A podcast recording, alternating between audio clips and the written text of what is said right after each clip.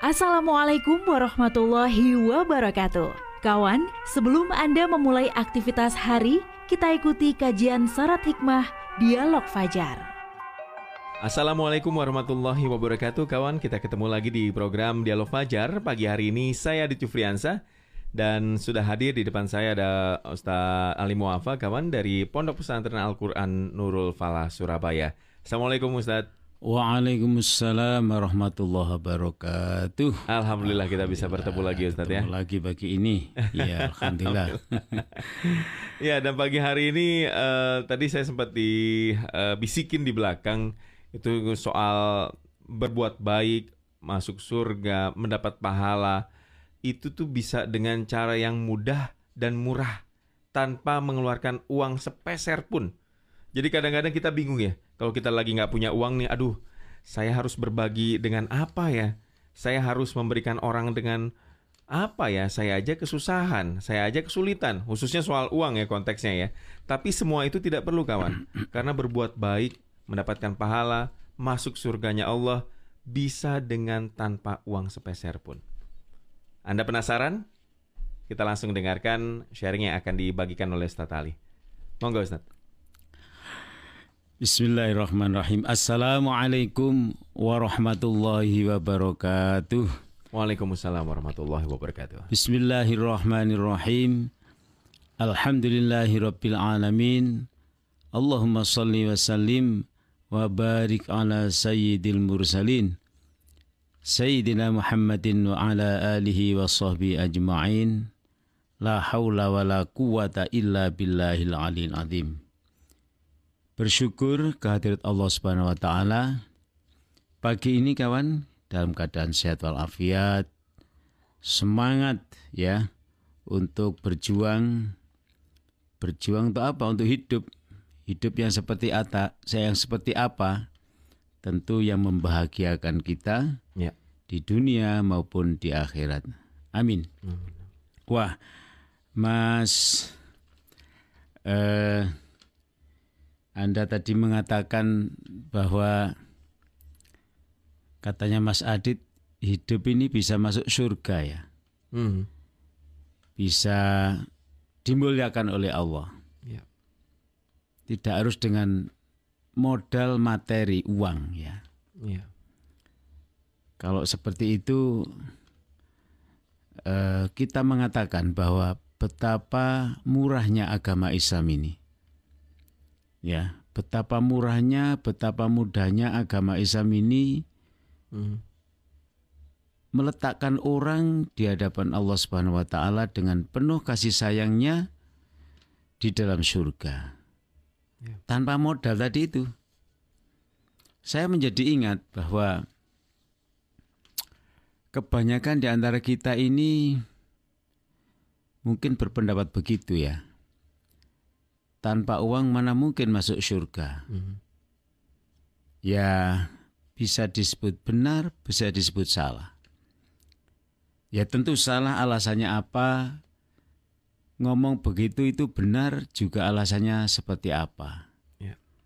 Karena sesuai dengan mm, pengetahuan dan sudut pandang masing-masing. Hmm. Tapi jelas bahwa agama ini menjamin orang bisa masuk surga tidak harus dengan tidak ha harus dan hanya dengan uang. Maka Mas Adit saya menjadi ingat Mas Adit ngomong tadi itu ada sahabat yang apa ya apa curhat atau apa mm. kepada Rasulullah Sallallahu Alaihi Wasallam. Mm. Jadi mereka itu mengatakan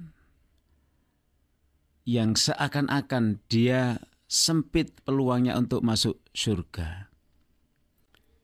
Tidak seperti orang-orang kaya itu ya Rasul, mereka ya bisa haji, ya. bisa umroh, hmm.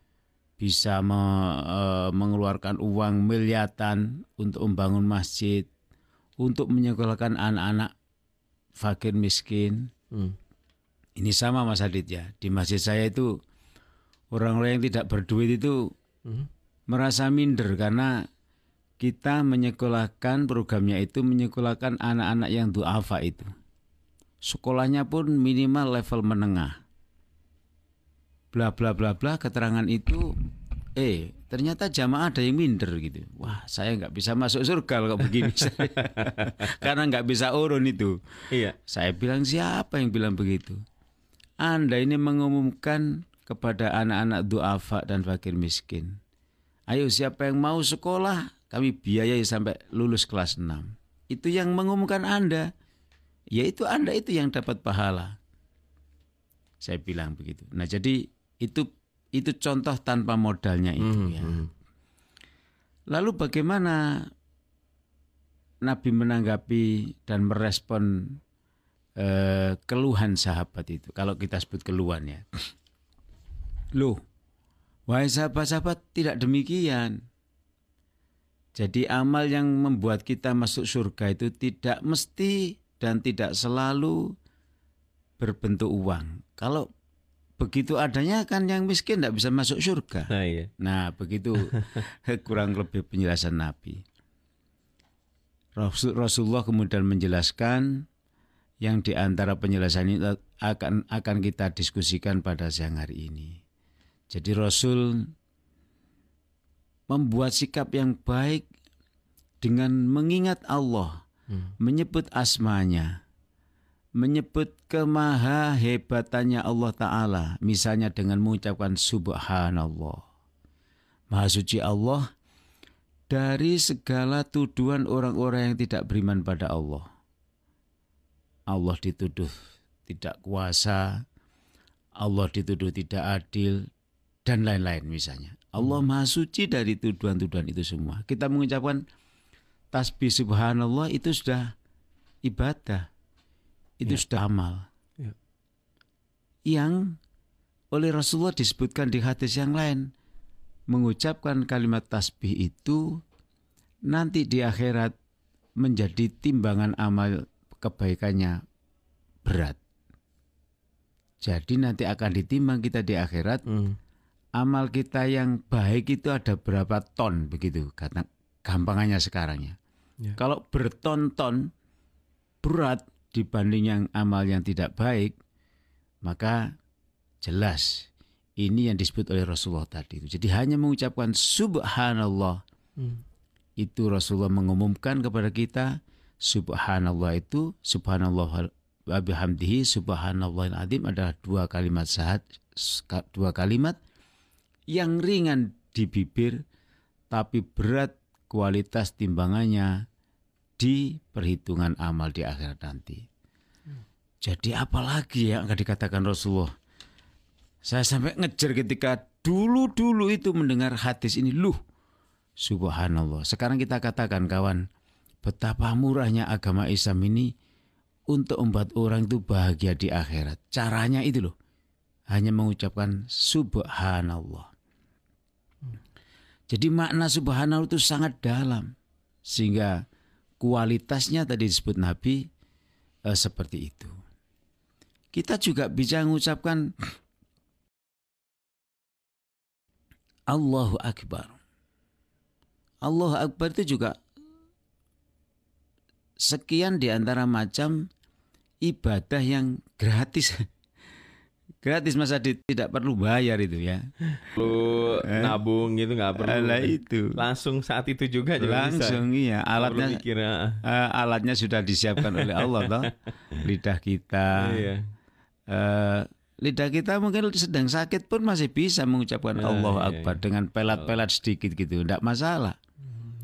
Kita mengakui bahwa Allah itu adalah maha besar. Hmm. Kita mengakui bahwa Allah itu tiada yang menandingi. Walam yakul lahu kufuan ahad. Walam yakun itu bahasa bahasa Surabayanya Mas Adit Mhm. tidak akan pernah ada yang bisa menandingi. Tidak hanya tidak bisa menandingi, tapi tidak akan ada yang bisa menandingi. Maka kita akui dengan menyebut Allahu Akbar, Allah Maha Besar. Ya. Dunia ini kecil. Saya ketemu seorang profesor yang ya malang melintang pengalaman, pengalamannya. Ya saya kira ini Mas Adit kita juga bisa merasakan. Ketika beliau menemukan dalam penelitiannya ya di bidang kedokteran misalnya. Hmm, hmm. Ya Allah, ternyata kecil dunia ini. Ya. Seorang dokter mengatakan Allahu Akbar ketika dia mengoperasi. Ketepatan ini santri saya juga pernah cerita. Oh. Dia menjadi seorang dokter ya, spesialis, seorang profesor. Ternyata dengan mengoperasi pasien yang sakit itu dia selama operasi berjam-jam itu sama dengan dia sholat, sama dengan dia menyebarkan uang untuk fakir miskin, sama dengan ibadah yang lain. Kenapa? Karena dia selalu mengucapkan Subhanallah. Di dalam tubuh manusia itu seperti ini ternyata. Sambil operasi itu seperti itu. Meski tidak harus dengan mulutnya. Tapi hatinya mengucapkan Subhanallah. Jadi dia semakin mantap. Allah itu maha besar. Allah itu maha bisa dan lain-lain. Dan kalimat-kalimat lain yang kita kenal dengan kalimat toyibah itu kalau diucapkan adalah menjadi uh, ibadah bernilai berpahala. Ini yang sekali-sekali sekali lagi ya saya ucapkan, saya sampaikan ke kawan-kawan melihat sesuatu yang menakjubkan kita mengucapkan subhanallah. Melihat sesuatu yang indah kita mengucapkan subhanallah. Alhamdulillah.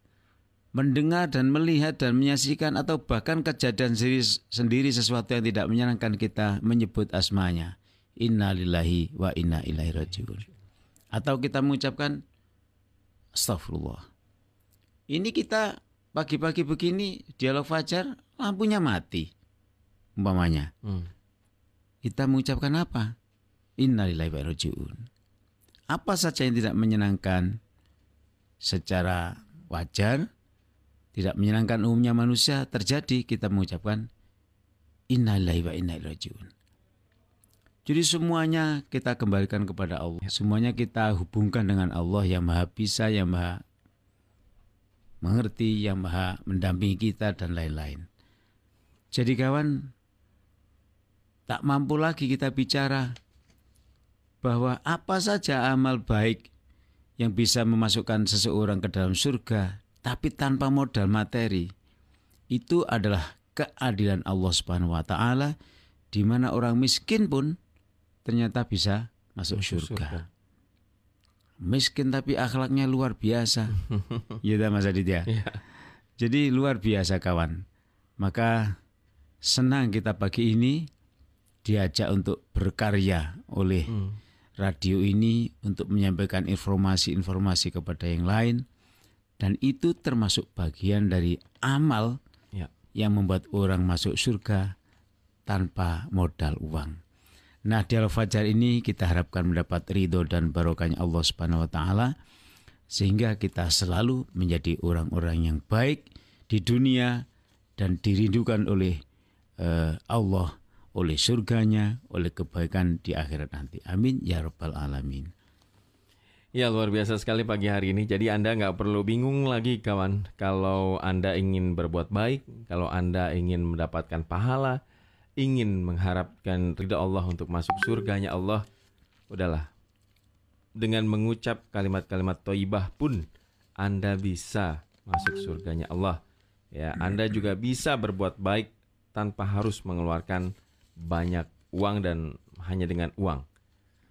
Yang terpenting berbuat baik harus dilakukan dengan ikhlas dan juga tulus. Amin. Amin ya robbal Amin alamin. ya alamin. Semoga kita termasuk dalam orang-orang yang seperti itu. Amin. Baik kawan, saya akhiri program Dialog Fajar pagi hari ini. Kita ketemu lagi di lain kesempatan. Wassalamualaikum warahmatullahi wabarakatuh. Waalaikumsalam warahmatullahi wabarakatuh.